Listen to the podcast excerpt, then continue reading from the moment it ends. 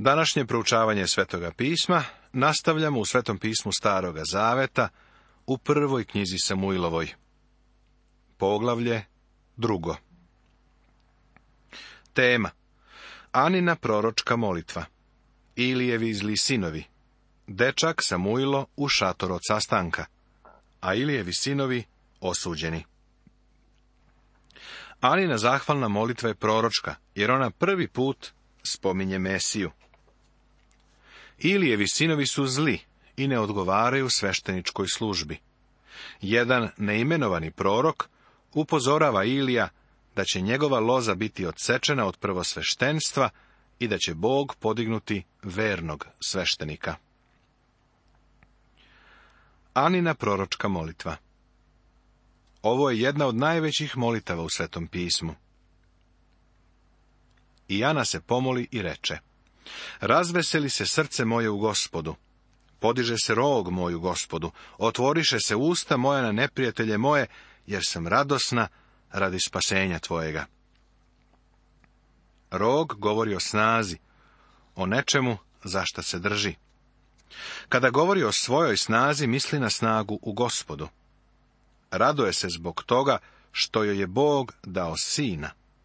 Osjeća se pobedonosno nad onima koji su je ismejavali, jer je nerotkinja. Raduje se radi svoga spasenja. Bilo je to njeno sadašnje oslobođenje. Spasenje se javlja u tri vremena. Mi smo spaseni. Zaista, zaista kažem vam, ko sluša moju reč i veruje onome koji me je poslao, ima večni život i ne dolazi pred sud, nego je prešao iz smrti u život, kaže Evanđelje po Jovanu u petom poglavlju. To znači da nas je Bog kroz Hristovu smrt izbavio od krivice greha. To je opravdanje i u prošlom je vremenu. Drugo, Bog nas je izbavio i od onoga što su stari teolozi nazivali zagađenošću grehom. I to je sadašnje izbavljenje. Mi smo spaseni. To je oslobođenje od slabosti tela, greha tela i od voljnih postupaka. Ovo o čemu Ana govori je sadašnje izbavljenje. Reč je o posvećenju i u sadašnjem je vremenu. I treće, na kraju imamo izbavljenje od smrti u budućnosti, ne od fizičke, nego od duhovne smrti. Dragi moji, sad smo deca Božija i još se ne pokaza šta ćemo biti. Znamo da ćemo, kad se on pokaže, biti njemu slični, jer ćemo ga gledati onakvog kakav je, kaže prva poslanica Jovanova, treće poglavlje, drugi stih. To je buduće izbavljenje. Bićemo spaseni. To će biti proslavljanje, a to je buduće vreme. Bili smo spaseni, sada smo spaseni i bit ćemo spaseni. Ana se raduje zbog svoga spasenja.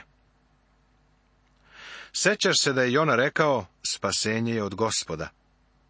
Psalmista to stalno ponavlja, da je spasenje od gospoda. Velika istina spasenja jeste da je spasenje blagodaću Božjom. To znači da smo opravdani za badava, njegovom blagodaću.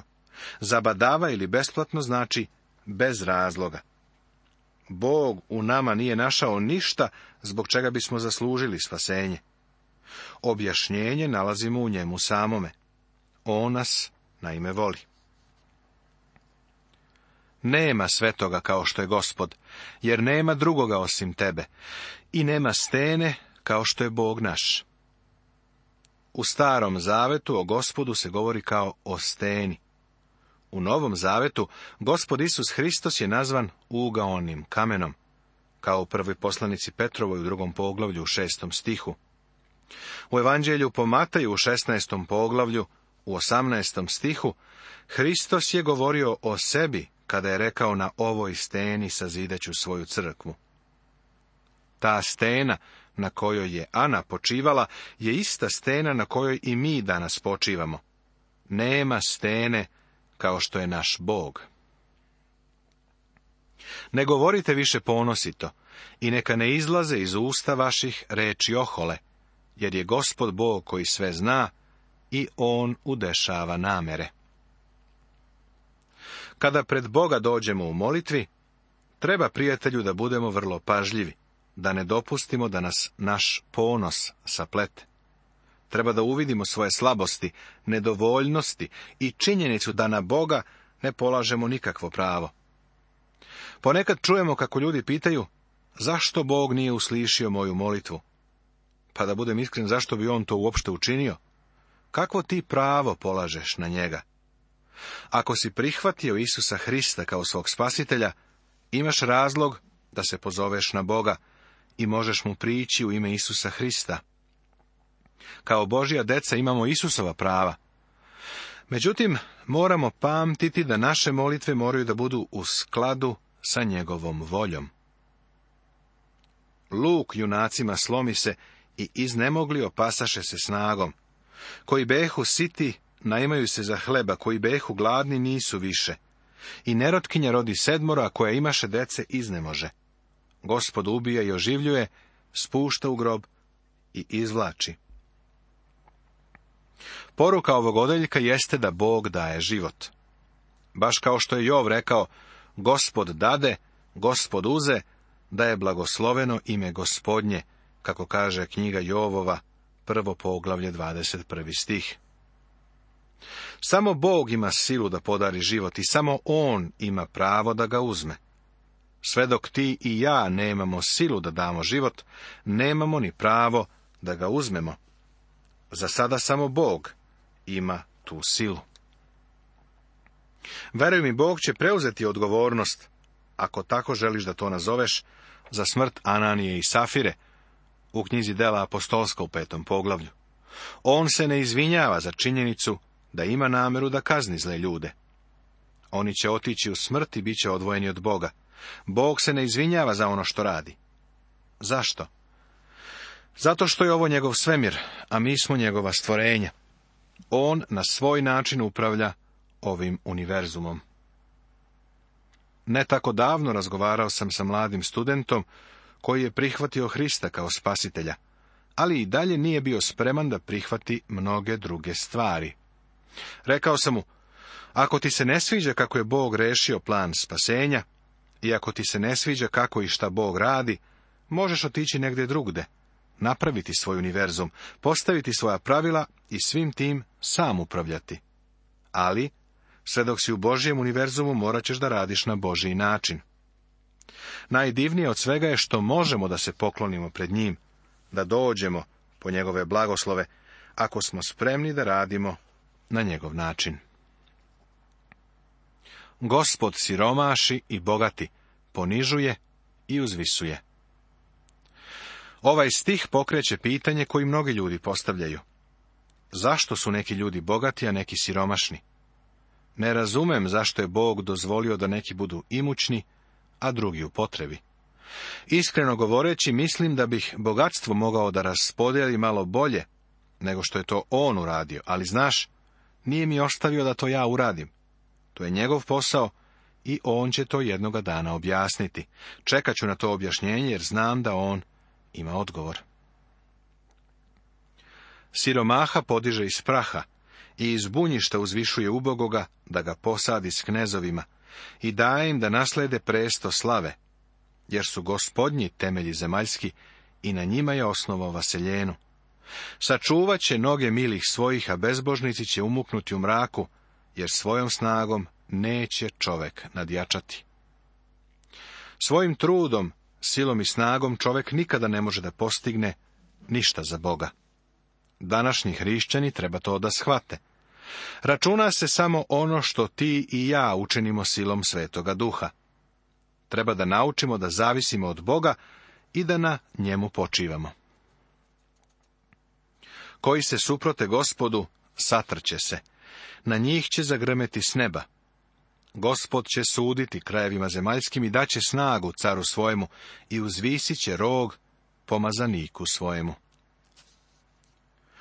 Ovo je jedan od najdivnijih stihova u Svetom pismu i prvi u kome se koristi ime Mesija.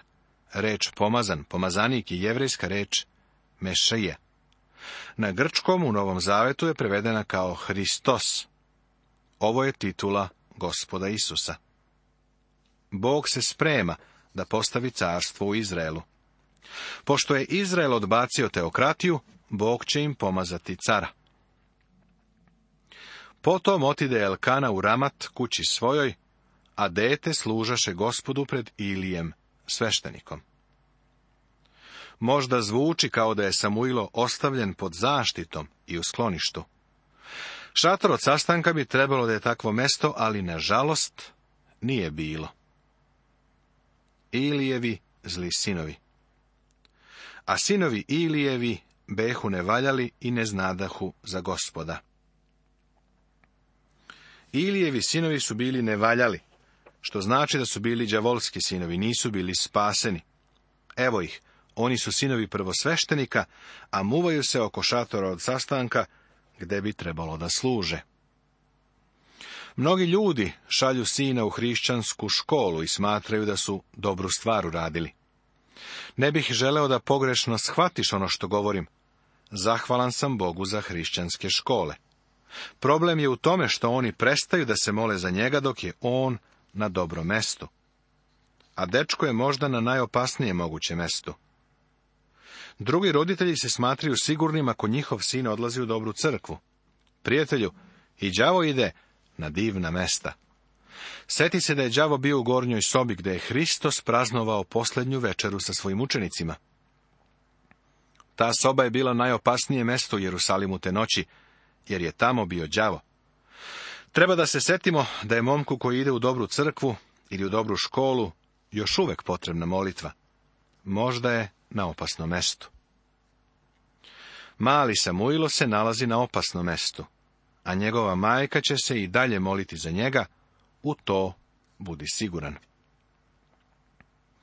Jer u tih sveštenika beše običaj prema narodu.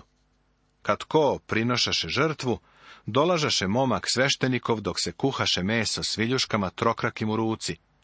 I zabadaše u sud, ili u kotao, ili u tavu, ili u lonac i što se god nabode na viljuške uzimaše sveštenik. Tako u svemu Izraelju koji dolažaše u silom. Tako i pre, nego bi zapalili salo, došao bi momak sveštenikov, te bi rekao čoveku koji prinošaše žrtvu, daj meso da ispečem svešteniku jer ti neću primiti mesa kuhana, nego sirovo.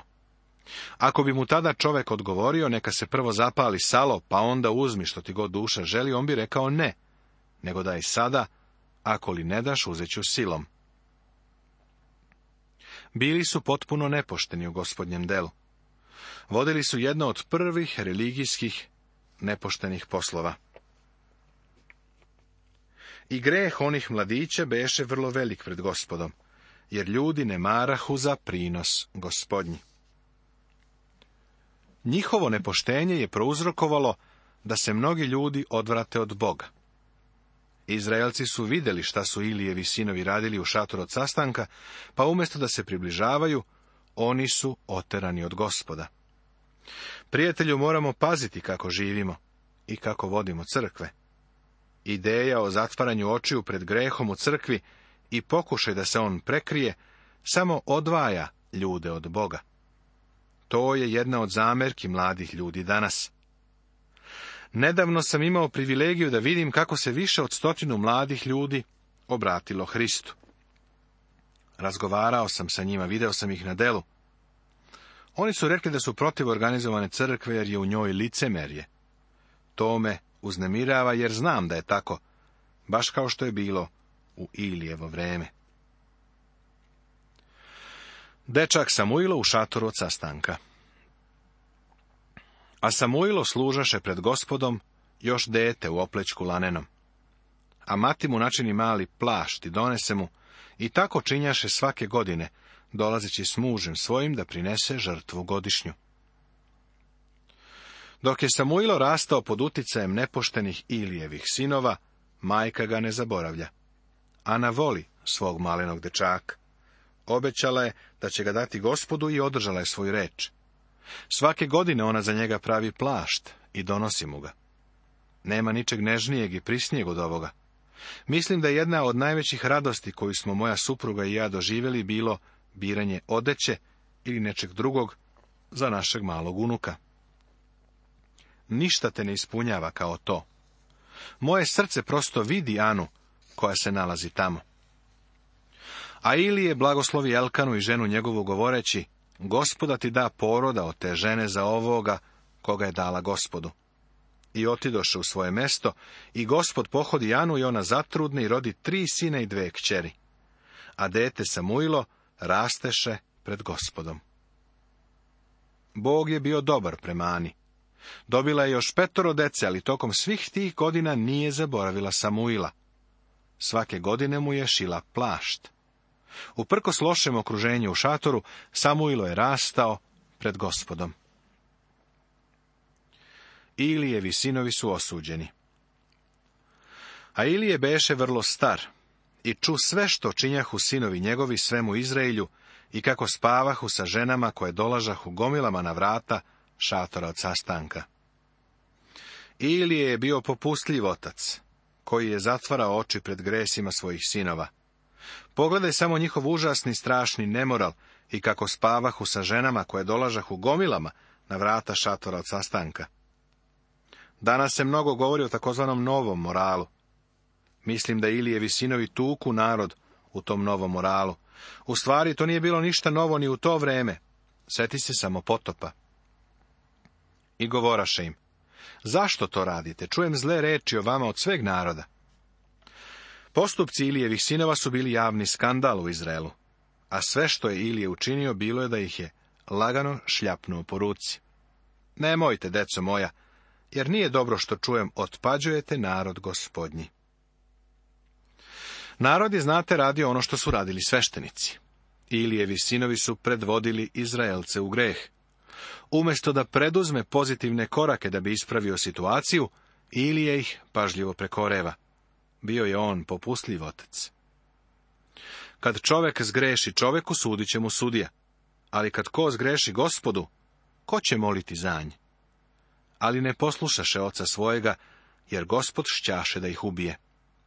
A dete Samuilo rasteše i bijaše mejo i gospodu i ljudima.